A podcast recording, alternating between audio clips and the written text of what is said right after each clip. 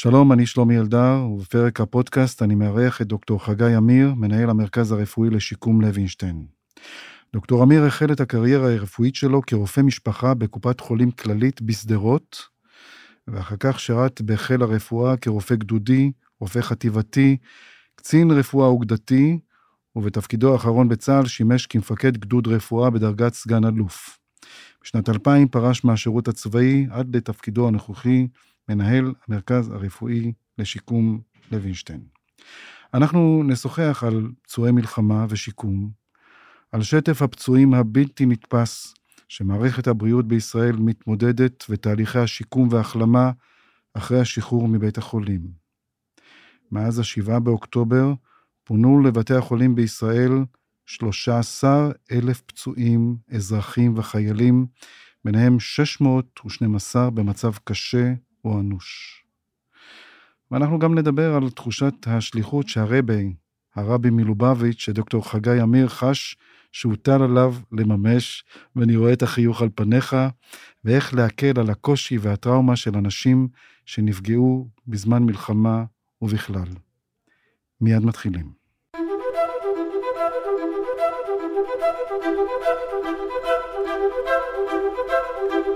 הפודקאסט של שלומי אלדר, מבית אול אין, הבית של הפודקאסטים. שלום דוקטור אמיר. שלום וברכה. קודם כל, אני מאוד שמח שבאת אלינו, כי זה נושא שלפחות אותי נורא נורא מעניין. וממש היום במקרה, אה, עידן עמדי, הזמר, שנפצע באורח קשה, מקיים איזה סוג של, אה, אני לא רוצה להגיד מסיבת עיתונאים, כי אני ממש אף פעם לא אהבתי את המילה הזאת, מסיבת עיתונאים, אבל הוא הזמין עיתונאים ובא ולומר דברים מהלב.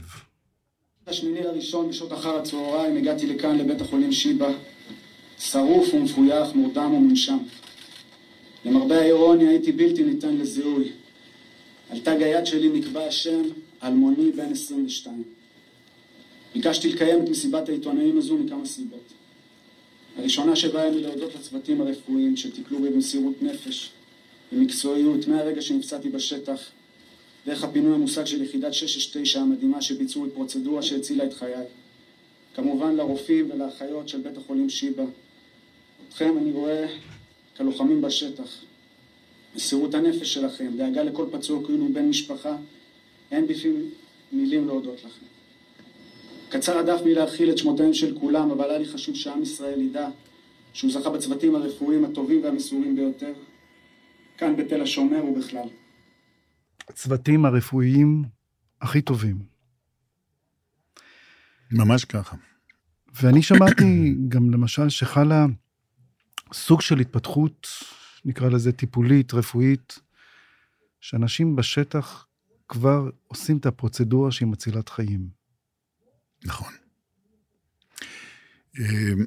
אני אה, אורתופד גם, אתה לא מנית את זה בין הדברים שהיו בדרך. היה צריך הרבה. כן, אני אורתופד, אה, הייתי בצבא שנים רבות כאורתופד. אה, הייתי גם האורתופד הראשי בצה"ל ויועץ קרפ"ר לאורתופדיה. ולמעשה, במסגרת הרפואת טראומה, הדברים הולכים ומשתכללים. הפרוצדורות שניתן לעשות בשטח, דברים שיכולים להציל חיים, נעשים ממש במיידי בשטח, ו... ובהחלט מצילים חיים. למשל מה?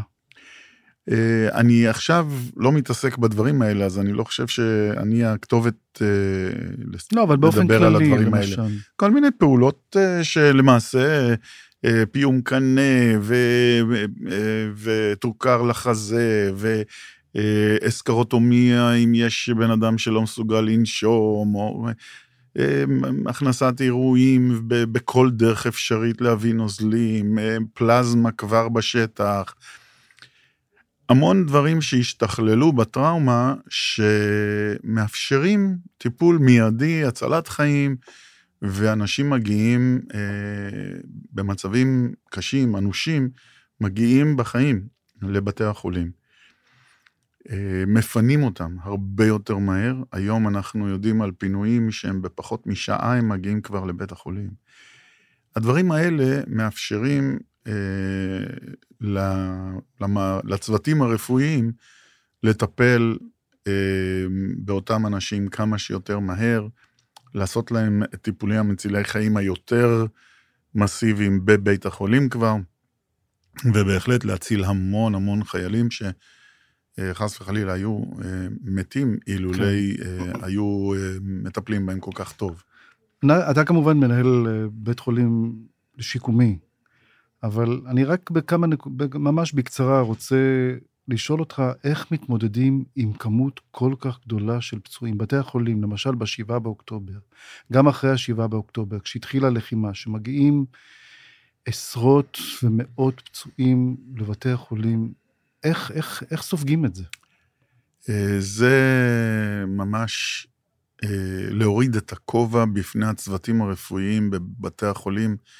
אה, סורוקה וברזילי למעשה, שקיבלו מאות, מאות נפגעים. אה, סורוקה קיבלו קרוב ל-700 700 אה, נפגעים תוך כמה שעות.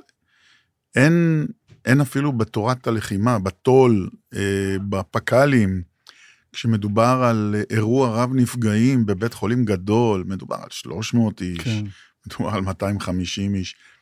על 700 איש אף אחד לא, לא מדבר אפילו, מכיוון שזה כמעט בלתי אפשרי לעשות, אה, לטפל בצורה כזאת, והם עשו עבודה מופלאה, מופלאה, בזכות צוותים מדהימים שנתנו את כל הנשמה, אה, אנשים שהגיעו כדי אה, לגבות אותם מכל בתי החולים.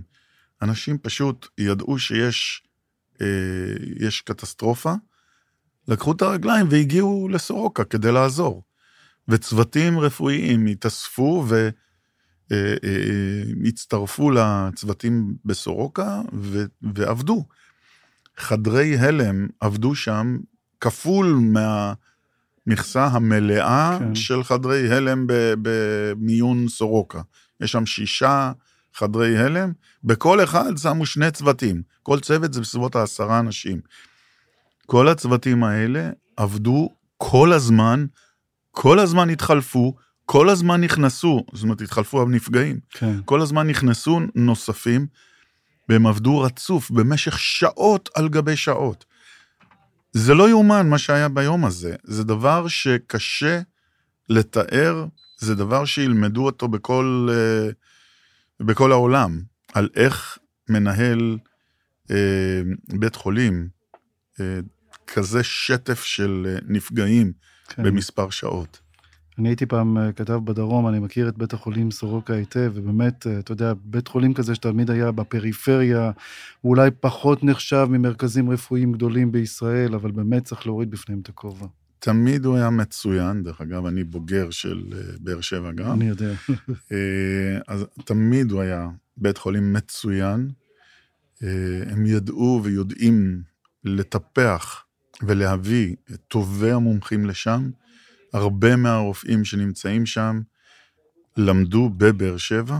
כן. מנהל, אה, מנהל טיפול נמרץ, ידיד טוב שלי, למד איתי יחד באותה כיתה, אה, דוקטור פרופסור מוטי קליין, אה, המנהל המיון שנמצא שם, שניהל למעשה את כל היום הזוועתי הזה, הוא בוגר של באר שבע, אה, גם כן מספר אה, מחזורים מתחתיי, אה, ועוד הרבה הרבה אחרים שהם נפלאים, רופאים מעולים, כן. שנמצאים בסורוקה.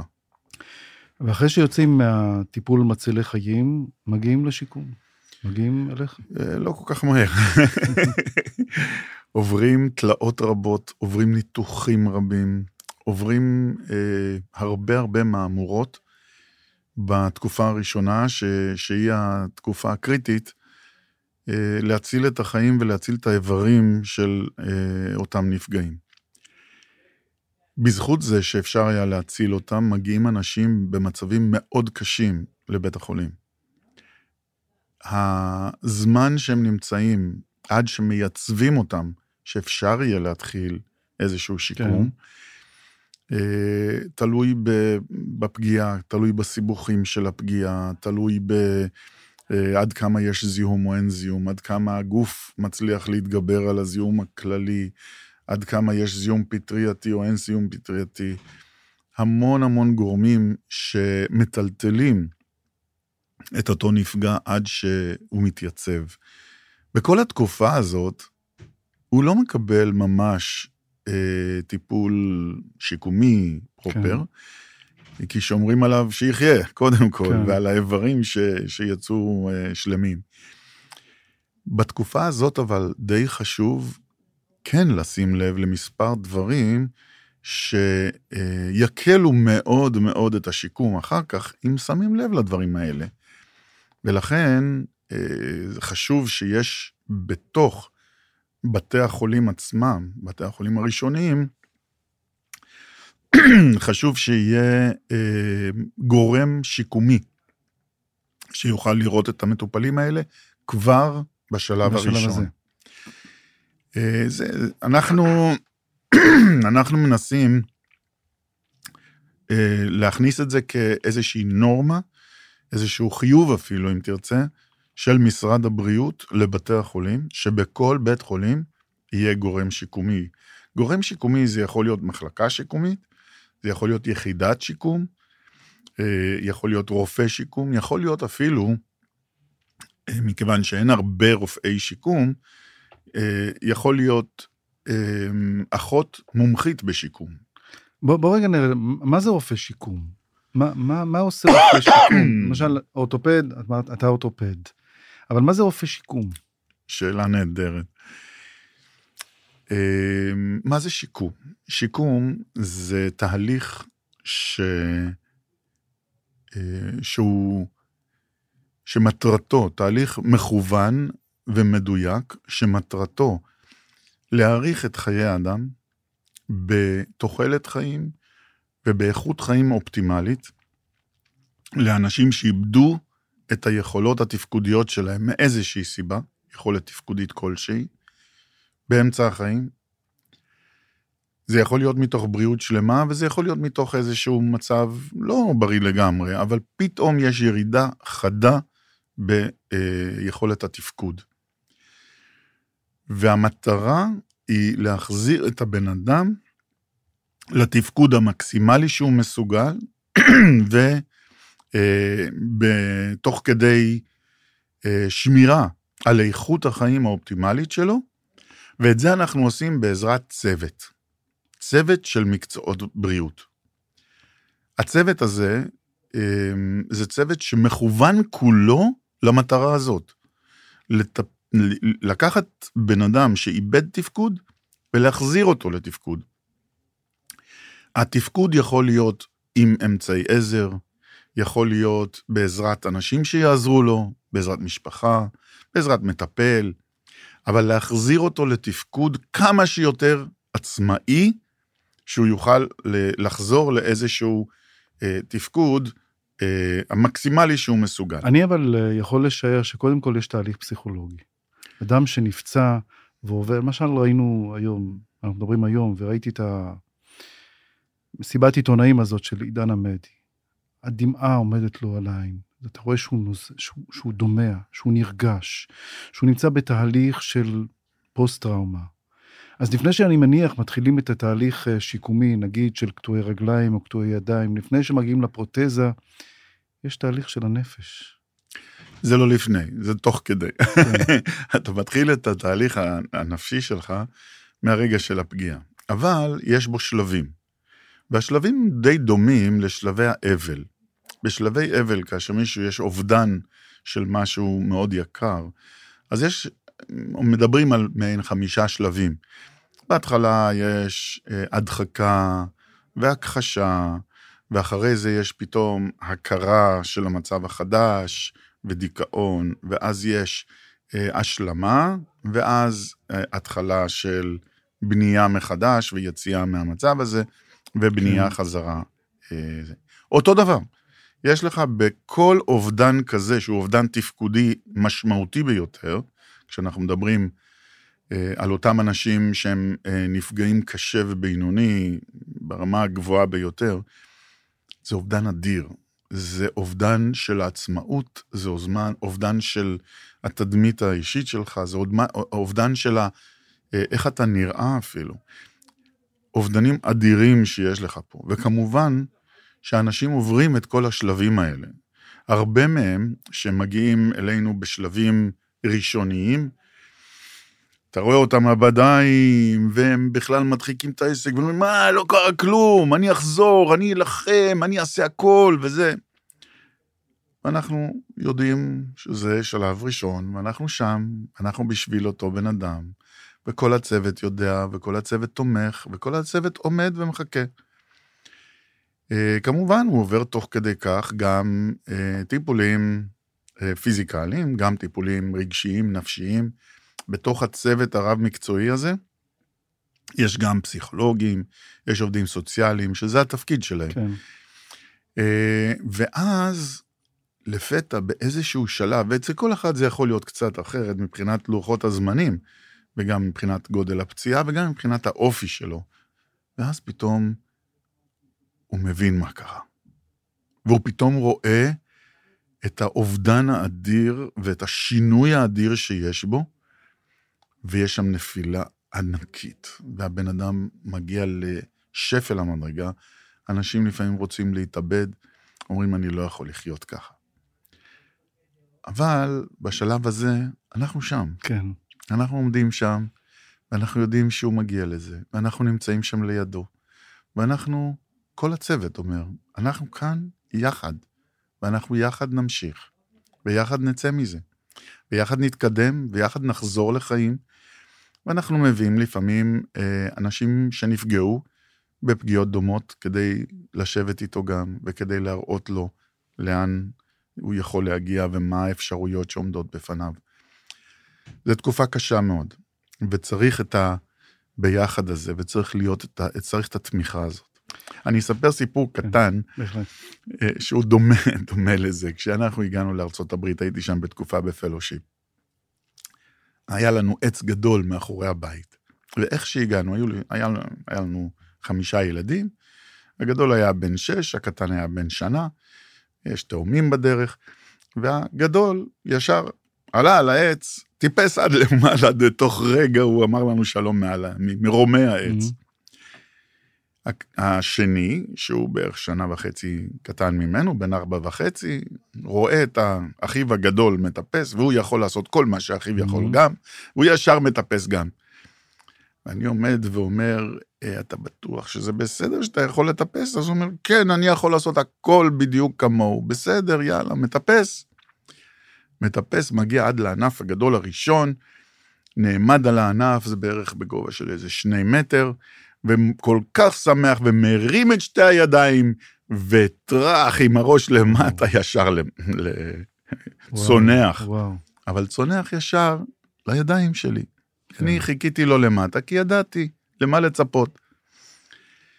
נפל ישר לידיים שלי, וכמובן הכל היה בסדר, אבל הוא לא, לא טיפס על העץ הזה יותר.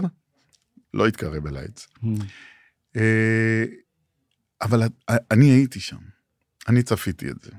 אנחנו בשיקום, הניסיון שלנו מלמד אותנו לאן הדברים יכולים להגיע, מהם הסיבוכים, מה הדרך שהוא, שהאדם הולך לעבור, אה, מה האפשרויות, ואנחנו שם. כל הצוות יודע את זה ומכיר את זה ונמצא מסביבו, ויודע לחכות שם עם הידיים פרוסות, שאם תהיה נפילה חס ושלום, אנחנו שם. ואנחנו מקבלים אותו בידיים, ומחבקים, ונמצאים איתו, וממשיכים איתו, ומראים לו כמה הדברים יכולים להיות טובים, ולאן הם יכולים להגיע. עצם זה שאנחנו יכולים להגיד לו מה מצפה לו בעוד שבוע, בעוד חודש, בעוד חודשיים, כמה זמן הוא יצטרך לעשות כל דבר, ומה האפשרויות שיקרו. הידיעה כבר עושה שלווה נפשית. כן. מכיוון שהחוסר ידיעה גורמת לחרדה גדולה.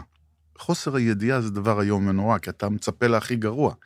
ואז ברגע שאתה רואה שיש תוכנית, שיודעים לאן הדברים הולכים, בונים תוכנית שיקומית שאומרת, בסדר, בוא נעשה את השלב הראשון, בוא נעשה את הצעד הראשון.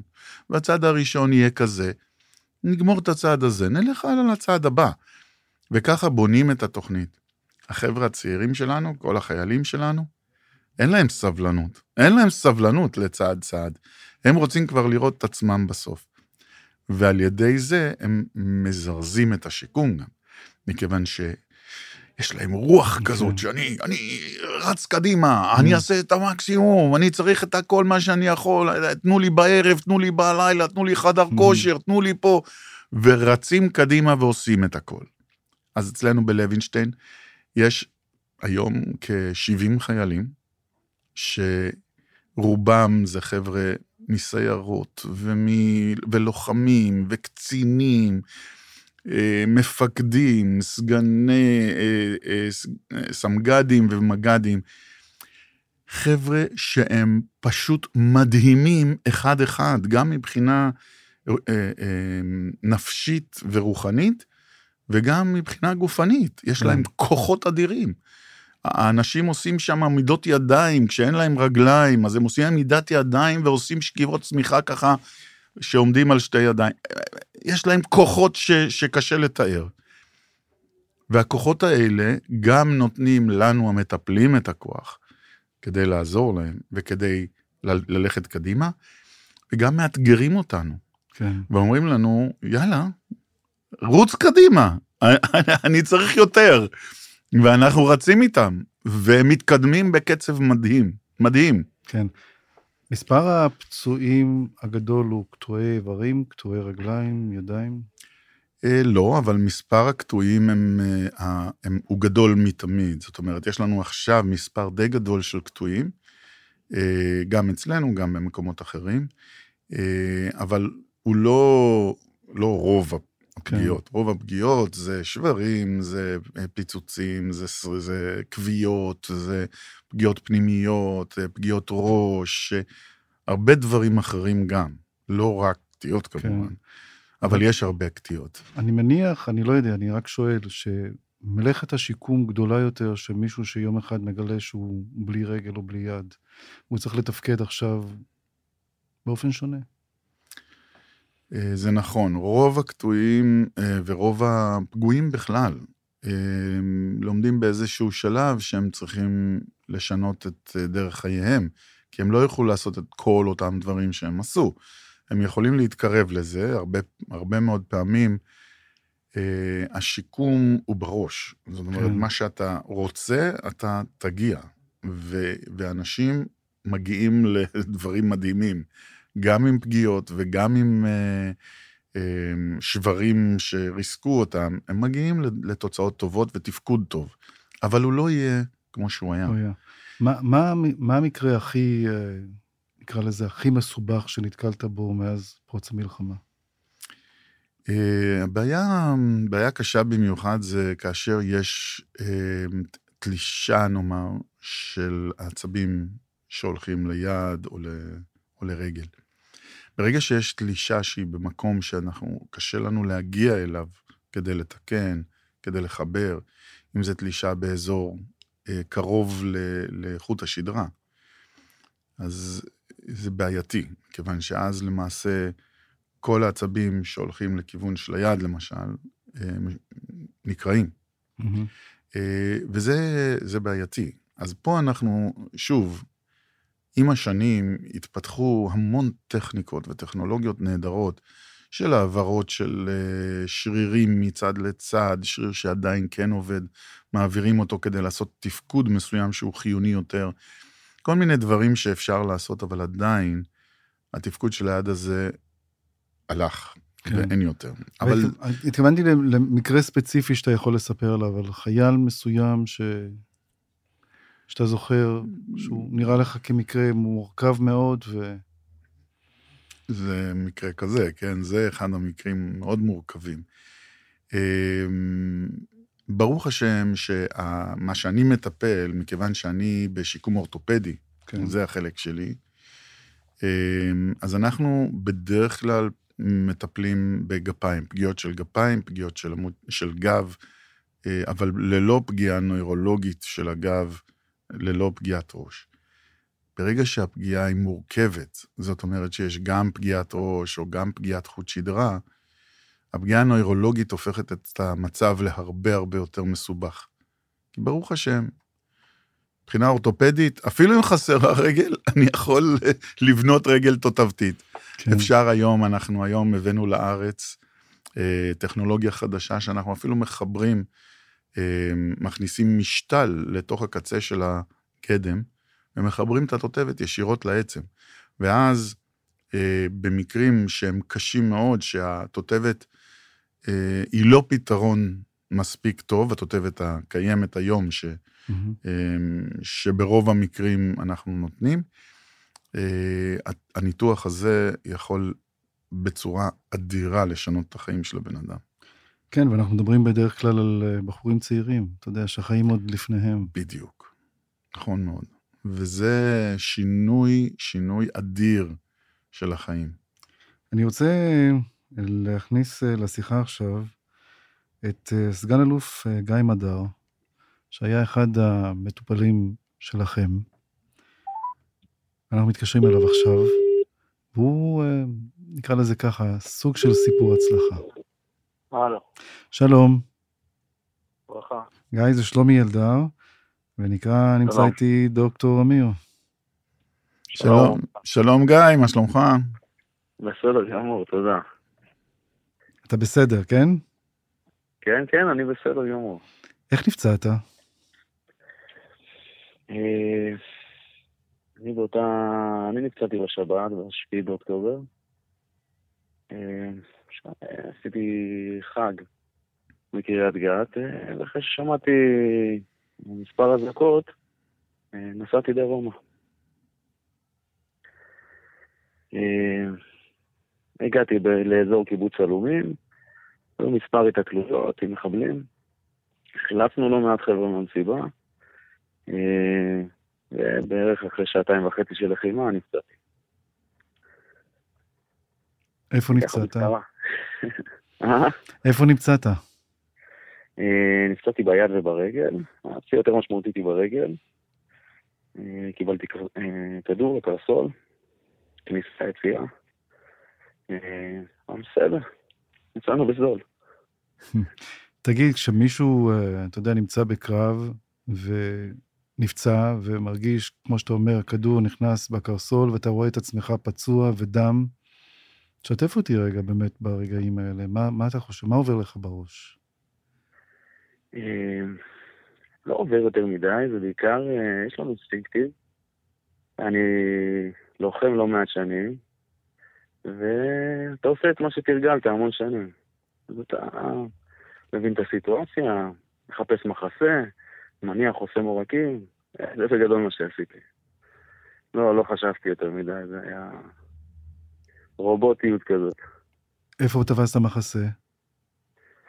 אה, בהתחלה נכנסנו לאיזה שיח, אה, ובהמשך התקדמתי, התחלתי תנועה דרומה, רציתי להתרחק מנקודת האירוע.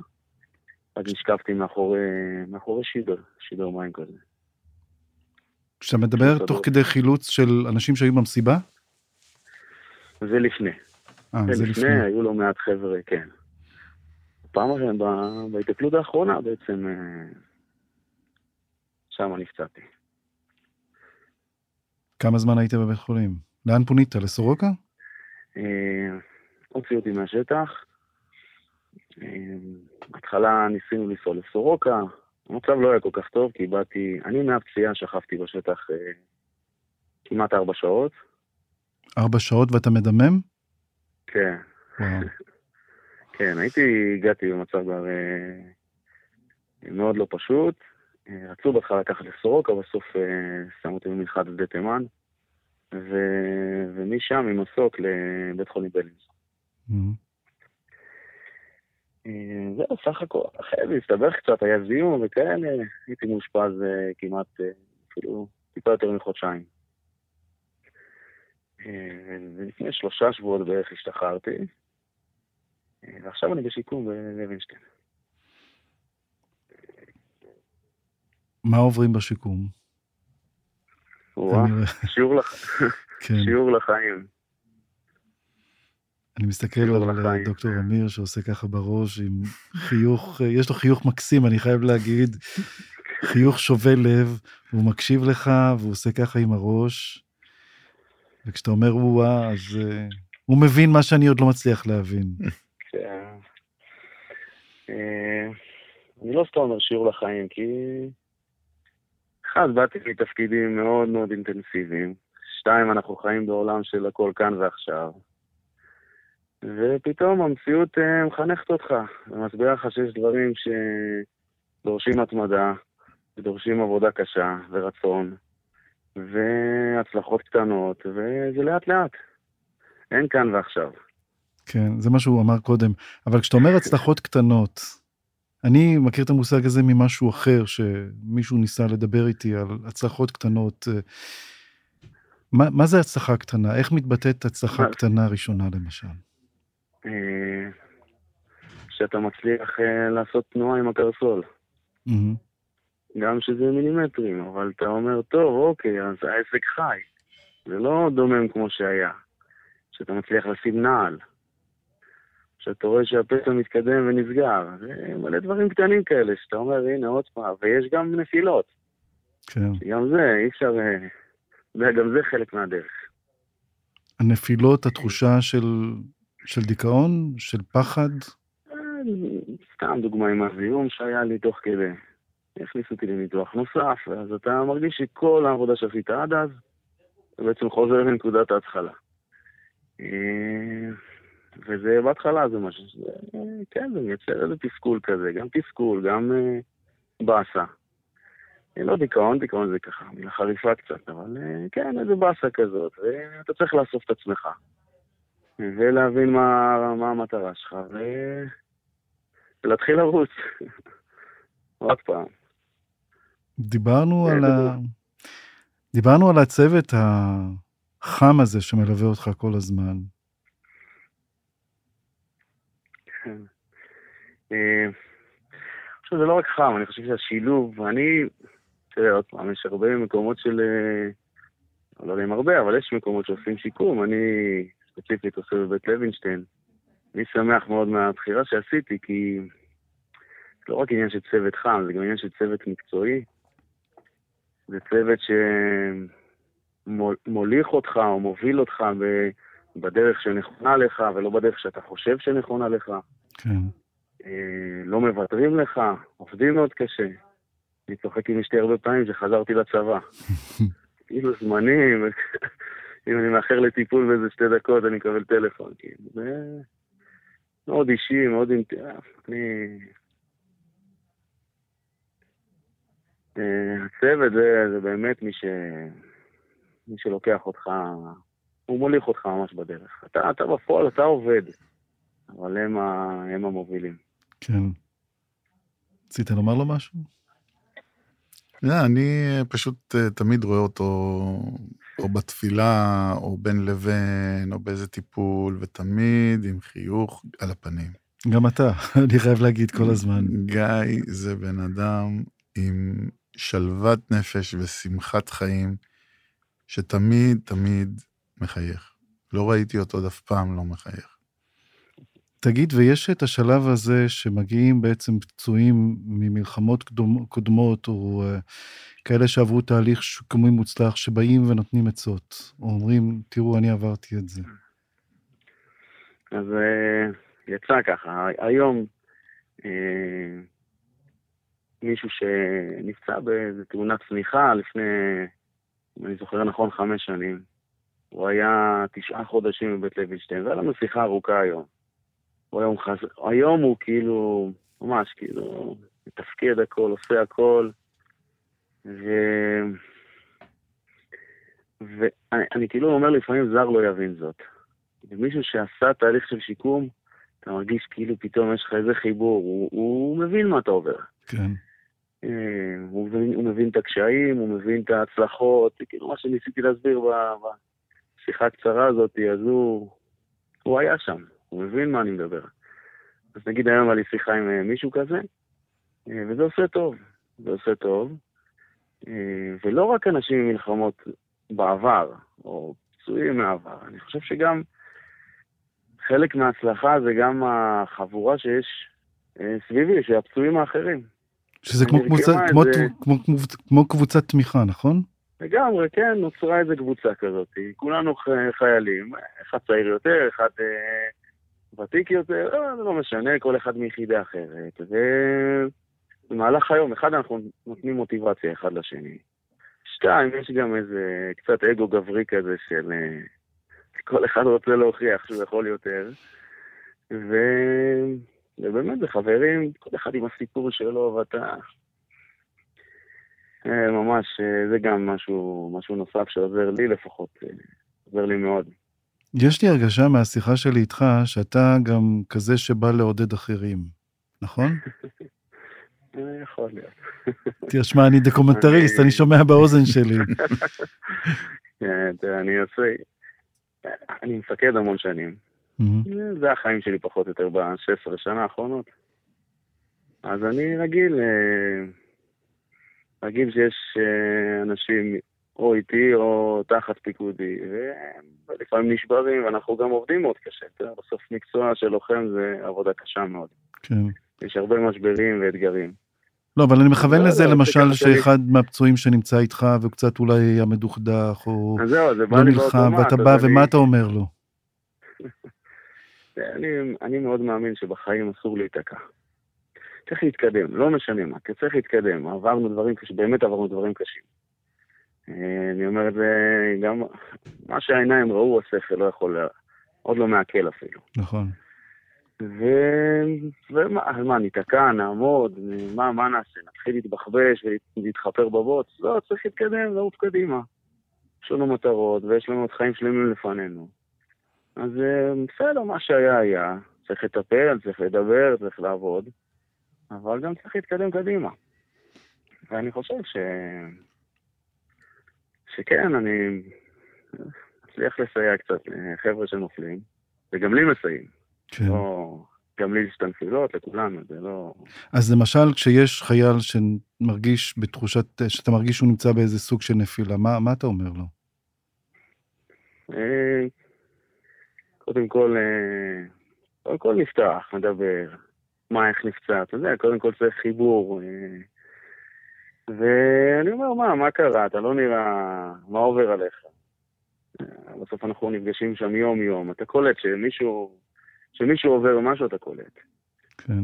ועוד פעם, לפעמים זה גם בזהירות, תראה, אנחנו לא חברים המון שנים, ולא בטוח שגם נוח לו שהוא רוצה להיפתח. אבל אני חושב בעצם העובדה ששנינו באותה סיטואציה, אז קל לאנשים להיפתח, ואו שיושבים לאכול ביחד, או שאפשר לשתות איזה קפה ביחד, שעושים איזה אימון ביחד. שלאט לאט זה מרים את הבן אדם. אה, משתדל, אני יודע, לא תמיד מצליחים גם. ונוצרות uh, חברויות uh, יוצאות uh, מן הכלל. אני סתם מספר לך שאני ממש היום, אני עורך uh, כתבה שצילמתי על, על פלוגת הנדסה שיצאו מעזה אחרי יותר ממאה ימים, והיו כמעט 20 שעות ביממה בתוך פומה, אחד בתוך השני. אנשים, ערב רב של אנשים, חילונים, דתיים, מזרחים, אשכנזים, מהפריפריה, מהמרכז, אחד רואה חשבון, השני, ופתאום אתה רואה את אחרי המאה הימים האלה של הביחד הזה, של להילחם ביחד, זה יוצר משהו שהוא אותי באופן אישי ריגש מאוד. באמת, הסתכלתי עליהם ואמרתי, וואלה, טובי בחורינו, באמת. אה, יש מושג שנקרא רעות לוחמים. כן.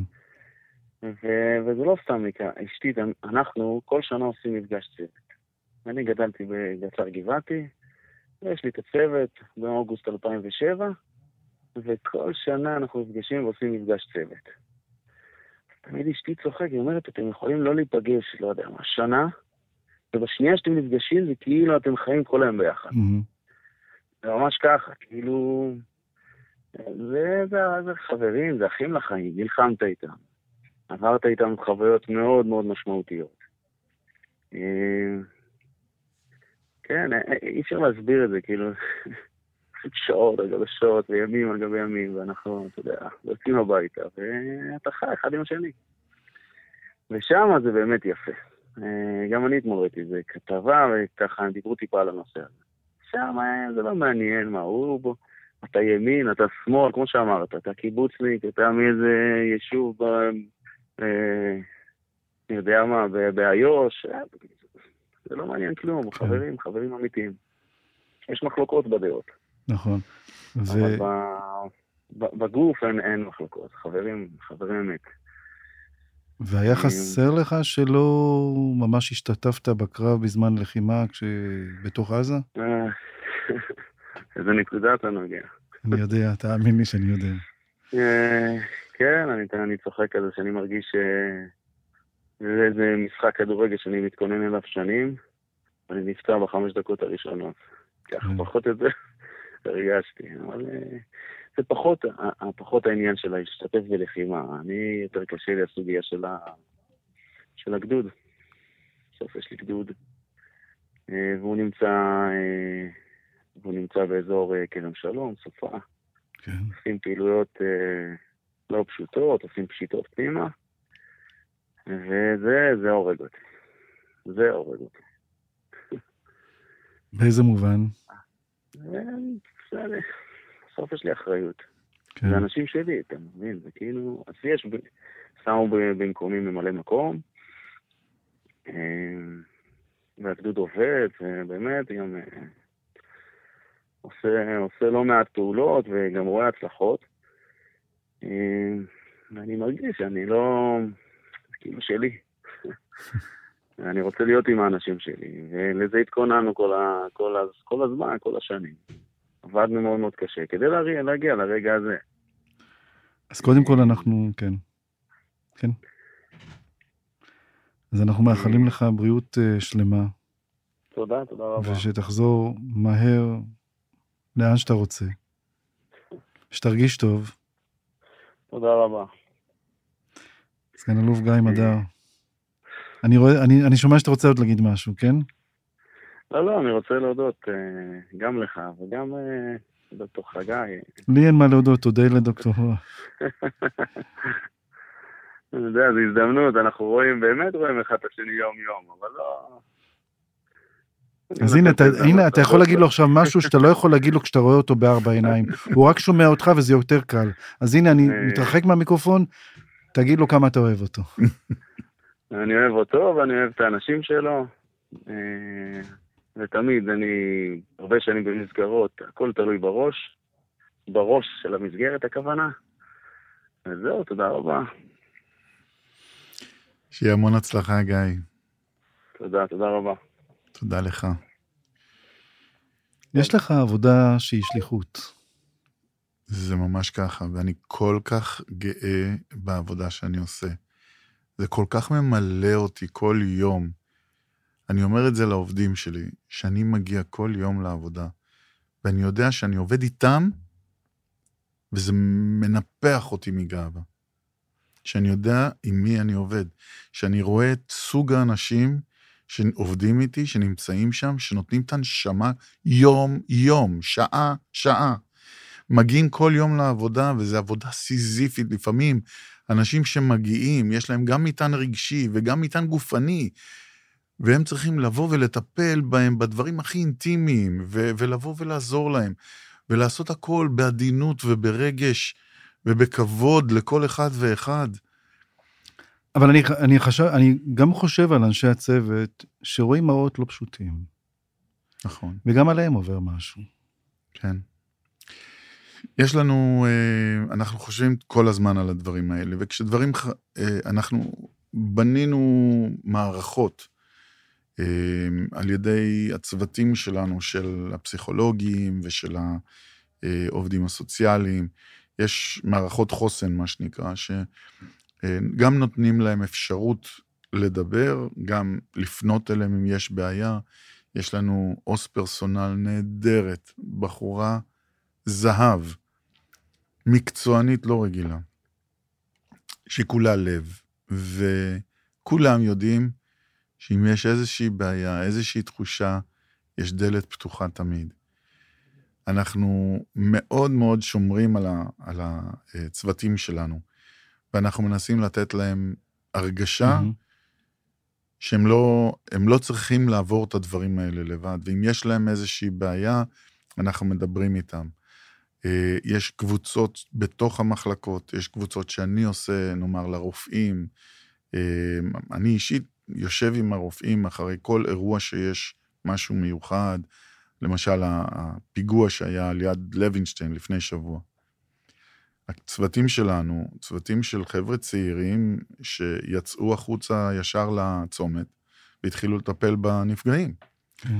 ו, וזה לא בית חולים שמטפל בנפגעים, כן? כן? זה, נכון. זה לא התפקיד שלהם, הם לא רגילים לעשות את הדברים האלה.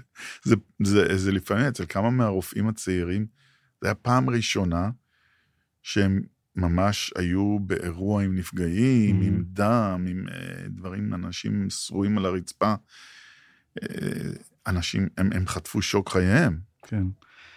אבל אתה בעצם, כבר מה שהיית קטן, בן 11, היית אצל הרבי, נכון. שהסתכל עליך. ומאז אני חושב שדבק בך איזה משהו, הרגשת איזה יד נוגעת בך ואומרת לך, יש לך תפקיד בחיים. זה נכון. אמ, ספר לי על המפגש הזה, אתה בגיל 11 עם הרבי. אנחנו היינו בארצות הברית. אה, אבא ואימא היו אה, נסעו לארצות הברית לשלוש שנים, עבדו שם בבית ספר יהודי, אבא עשה את הדוקטורט שלו, ו... והיינו מקורבים לרבה. אמ, אבא עשה תפקיד במשרד החינוך פה בארץ, שהיה אחראי גם על המוסדות החינוך של כפר חב"ד, והיה לו קשר טוב עם הרבה, והרבה אה, נתן לו איזשהו תפקיד גם לעבור על כל המוסדות החינוך שלו באירופה, מאוד העריך את, את אבי, הרבה. ואנחנו, כשבאנו לארצות הברית, לשלוש שנים היינו שם, אה, אני הייתי אז בן, הגענו כשהייתי בן עשר, עד אה, גיל 13. ברוב החגים היינו מגיעים לחצר של הרב מלובביץ', והיינו מתארחים שם. אצל החוזר הראשי, החוזר הראשי זה רב יעיל קאן, אה, הוא, החוזר הראשי זה, זה זה שאמור לשמוע את כל הדרשות של הרב במשך השבת או החג, ואז במוצאי שבת ללכת לשחזר את כל הדרשות ולכתוב אותן, ממש מילה במילה מה שהרב אמר. לפעמים זה דברים של שעות, כן, כן דרשות של שעות. ויש לו צוות של אנשים, ליעל כאן, והוא נפטר לא מזמן. ו... ואנחנו היינו האורחים שלו. אבא איתנו, איתי, עם אחי ועם אה, אימא, היינו באים ומתארחים אצל אה, רבי אלקן, והיינו באים לכל הפעילויות וכל הדרשות וכל התפילות באולם של הרבה, בבית המדרש שם, ב-770. והיינו שם, ב... כשהייתי בן 11, אה, זה היה ב-1970, אה, היינו שם בשמחת תורה. ובשמחת תורה אה, יש, לפני שפותחים את הארון ומוצאים את ספרי התורה, אז קוראים פסוקים. ואנשים שילמו אלפים כדי ש... לקנות פסוק שהם יוכלו להגיד, או לכבד את הרבה שיגיד. ו, ואנשים פשוט, אה, בכל פסוק, לכל פסוק, יש אה, ממש מכירה פומבית. ואנשים שילמו טוב, טוב, אה, ממש מיטב כספיהם כדי להגיד את הפסוקים האלה. עכשיו, אני עמדתי יחד עם אבא ועם אחי, בין כל החסידים, אנחנו חלק מה, מהגדוד. ואנחנו עומדים שם למטה, איפה שכל האנשים, כל החסידים עומדים, והרבה יושב ליד ארון קודש מצד ימין, ועל ידו היה איזה מין אה, מרפסונת קטנה כזאת, איפה שיושבים האנשים החשובים, ה-VIP, כל מיני מוזמנים, mm-hmm. אה, פוליטיקאים, כל מיני כאלה. והם יושבים ממש קרוב לרבה, מכיוון שהרבה יושב על יד ארון קודש, ועל ידו יש את הבלקון הזה. אני ראיתי את זה, הייתי ילד שובב.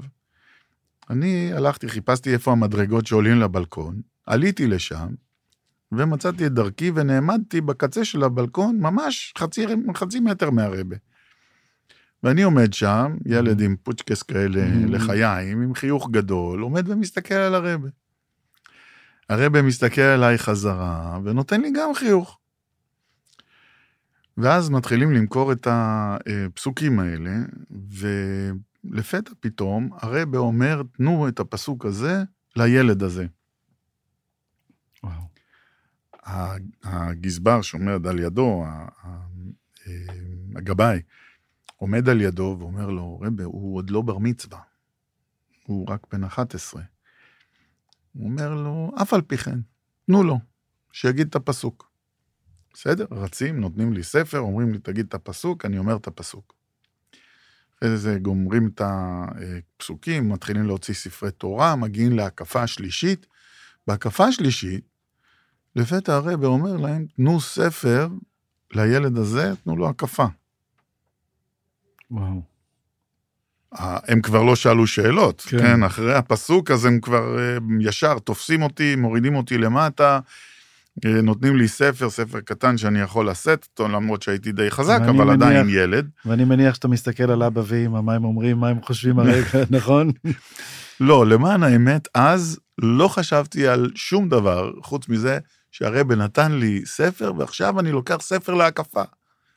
זה היה הדבר, זה היה עולם בשבילי.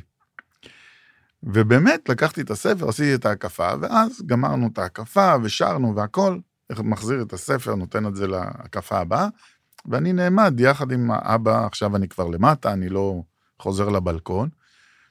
ואז הרבה אומר, תנו לאמיר, לאברהם אמיר, שזה אבא, ולשני הילדים שלו. אז אומרים לרבה, אבל אחד הילדים זה הילד שנתת לו כבר ספר בהקפה הקודמת. אומר, אף על פי כן, תנו לו עוד פעם. באותו היום קיבלתי שתי הקפות מהרבה ממש, פסוק מהרבה ממש, ישירות, ועוד לא הייתי אפילו בר מצווה. כן. והעיניים האלה, החיוך הזה שהיה של הרבה אליי, זה דבר שאי אפשר לשכוח. זה, זה עיניים טובות. זה עיניים אה, מלטפות. וחיוך מקסים מאיר. והדבר הזה נשאר לי בלב ונשאר לי כל הזמן לאורך כל חיי. האינטראקציה הזאת כן. עם הרבה. ואני יודע שבזכות דברים שאמר הרבי, אתה גם החלטת לשנת את אה, שם בית החולים. נכון מאוד. הרבה בזמנו דיבר עם אבנר שקי, ויש סרטון ביוטיוב שמראה איך שהרבה מדבר עם אבנר שקי ואשתו, שהיה אז שר בממשלת כן. ישראל, ואמר לו שצריך לקרוא לכל בתי החולים במדינת ישראל בתי רפואה, כי לא באים לשם בגלל שחולים, אלא באים לשם כי יש שם רופאים, וזה צריך להיות בתי רפואה. ככה הוא אומר לו, ואבנר שקי ככה מחייך ואומר כן, כן. ואז למעשה, מהזמן ההוא, שזה לפני איזה 40 שנה, אה, אולי אפילו יותר, אה, מאז שינו את רוב שמות בתי החולים למרכזים רפואיים. זאת אומרת, הדברים של הרבה נכנסו באיזשהו מקום, כן. ו... ורוב בתי החולים שינו באמת את שמם למרכזים רפואיים. אני, כשהתחלתי את תפקידי ב... כמנהל של לוינשטיין לפני כחמש שנים, השם של לוינשטיין היה בית, החולים. לשיקום. לוינשטיין. בית חולים לשיקום, זה היה השם. ואז אה, אני ישבתי עם אה, הרב חיטריק, ש... שהיה אצלנו לכמה זמן קצר בבית, בב- בבית החולים לוינשטיין, והבן שלו, אחד הבנים שלו שנמצא בטורקיה, הוא הרב הראשי האשכנזי בטורקיה, אה, רב מנחם מנדל חיטריק, בא לבקר את האבא. והוא מוציא את הפלאפון ומראה לי את הסרטון, ואומר לי, תשמע, זה הרבה אמר. הרבה אמר Mhm. שצריך לשנות כן. את השמות של בתי החולים לבתי רפואה. והוא אומר לי, האבא אומר לי, עכשיו זה התפקיד שלך, אתה צריך לעשות את זה. אני יושב שם, אני בסך הכל איזה שנה בתפקיד, והוא בא ואומר לי, אני צריך לשנות את שם בית החולים. באותו רגע אבל, חשבתי ואמרתי, למה לא? הרי זה בדיוק מה שזה, אנחנו בית של רפואה, כן. אנחנו לא בית של חולים, וזה לא הגיוני שאנחנו נהיה בית חולים. במיוחד כאשר רוב בתי החולים בארץ כבר הם נקראים מרכזים רפואיים. כן. ואז באותו רגע החלטתי שאנחנו עושים מהלך לשינוי השם של בית חולים לוינשטיין למרכז הרפואי לשיקום לוינשטיין.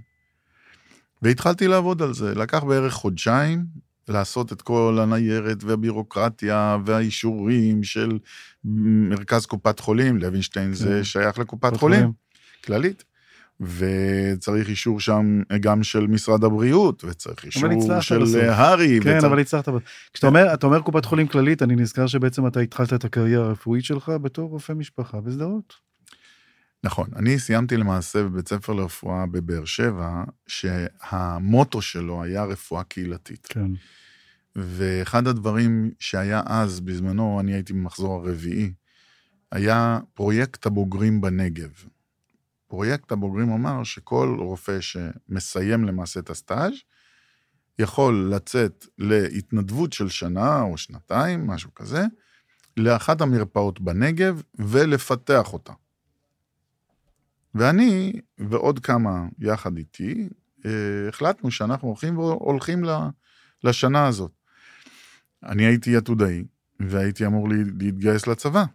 בזמנו היה פרופסור דנון, היה הסגן קרפ"ר. אני זוכר שבאנו אליו וקיבלנו אישור מיוחד לדחות את הגיוס שלנו בעוד שנה, שלי ושל אה, עוד אה, רופא נוסף, כדי שנוכל להיכנס ולעשות את השנה הזאת אה, במרפאת קופת חולים. אני הוצבתי בשדרות. וזה היה השנה הראשונה שלי כרופא, אני עבדתי במשך שנה בקופת חולים בשדרות. היה שם אה, חבר'ה נהדרים, אלברט ואלי היו האחראים על, ה, על המרפאה שם. דוקטור פשצ'יק הייתה מנ- מנהלת המרפאה, אנחנו מדברים על שנת 85, כן. 1985. ש- שאיך אני אגיד זאת, ששדרות לא הייתה כל כך על המפה כי זה לפני הקסאמים. נכון. וזה היה שנה מופלאה, אני כל כך אהבתי את העבודה. אנחנו, אני הגעתי לשם עם המון ציונות, לשנות ולפתח ולעשות רפואת משפחה, שכל המשפחה תהיה יחד אצל הרופא. היום זה דבר כמעט כן. נורמלי, אבל אז זה היה חדשנות אדירה. ועכשיו אתה גם חזן. כן, גם חזן. איך? אה, כשהייתי ילד, אה, שרתי מאוד יפה, והייתי הולך לבית כנסת ושר את הקטעים של הילדים. ואחד האנשים שהיו בבית הכנסת, אה, מר שטרק, אה, הוא היה המזכיר של בית ספר לחזנות בתל אביב, שהיה בבית ספר בילו, שבו אה, לימד החזן רביץ, שלמה רביץ. והוא כל הזמן נדנד לאבא, ואמר לו, תשלח את הילד, תשלח את הילד לבית ספר לחזנות, הוא שר יפה, תשלח אותו. ואז באיזשהו שלב, אבא שאל אותי אם אני רוצה ללכת, אמרתי, למה לא? הייתי אז בן 16, והייתי מגיע, פעמיים בשבוע הייתי נוסע באוטובוס לתל אביב, היינו גרים ברמת גן, הייתי נוסע לתל אביב, ולמדתי חזנות אצל החזן רביץ. חזן רביץ זה גדול החזנים. גדול החזנים, אפילו אני את זה יודע. היי, איזה, איזה בן אדם. הוא היה אז בן 96. והייתי מגיע אליו ושר יחד עם עוד כמה חזנים, ולמדתי אצלו עד גיל 20 בערך. כשהתחלתי ללמוד רפואה, בן 18, הייתי מגיע מבאר שבע כדי להיות אצלו, ללמוד אצלו, הייתי בא אליו הביתה. כי בגיל 18, רק הייתי שנתיים שם, בבית ספר כן. הזה, ואז הייתי מגיע אליו הביתה, ועובד איתו על, ה, על הספרים שלו, הוא כתב את הכל, הכל בתווים. כל הספרים שלו, כל המוזיקה שלו היא בתווים, הוא לא, לא נתן להקליט אותו אף פעם. אבל עכשיו אתה בטח יודע שאני לא אעזוב אותך בלי שתיתן לנו איזה קטע חזנות.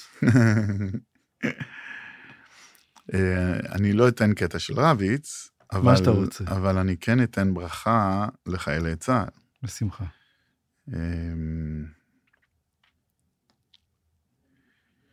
מי שברך אבותינו, אברהם, יצחק ויעקב,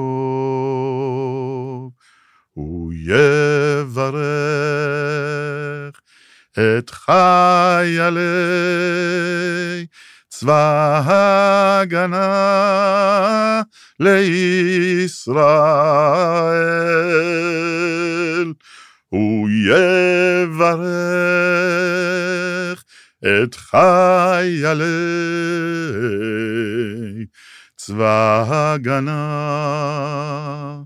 לישראל. הוא יברך את חיילי צבא הגנה לישראל. דוקטור חגי אמיר, תודה רבה לך. זה היה לי עונג לארח אותך כאן. ואולי, אה, אתה יודע, התחלנו בעידן המדי, אז אולי, אה, אני חושב שאולי כדאי שגם נסיים עם שיר שהוא שר, והשיר נקרא כאב של לוחמים.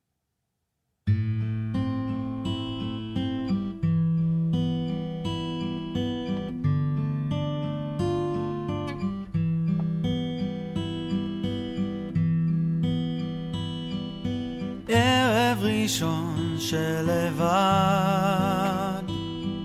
יושב וכותב לך מכתב כל הדברים שהיו. כל מה שקרה בדיוק. אותיות מופיעות על הקיר. אני הפחד נעים להכיר. הדמויות אוהבות לשחק. זזות כאן בבית הריק הריק. ואת, את לא יודעת כמה ממך ניסיתי להסתיר את כל הסיוטים בלילה צרחות ודם על המדים. את מבינה כבר למה. אני מזמן כבר לא אני. תמונות רצות מאותו לילה. דמעות כאב של לוחמים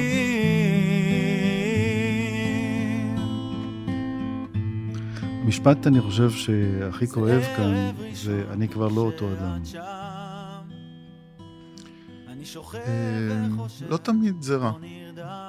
צריך לדעת לראות את הטוב שבזה, ולמצוא את הדרך, ולהגיע לאן שאתה צריך להגיע כבן אדם חדש. זה, זה הגדולה. למצוא את מה אתה טוב בו עכשיו, וזה מה שאנחנו מנסים להראות לכל אחד ואחד מהנפגעים, מהפצועים. איפה הטוב שלו עכשיו? לאן הוא עכשיו הולך? מה הדבר שהוא יכול להגיע אליו עכשיו? וזה לא בהכרח מה שהוא עשה קודם. כן. זה כבר לא מה שהיה. אז אנחנו נאחל גם לעידן עמדי ולכל הפצועים החלמה מהירה. אמן, אמן. אם את לא מבינה כבר למה אני מזמן כבר לא אני תמונות רצות מאותו לילה דמעות, קר של לוחמים. Oh,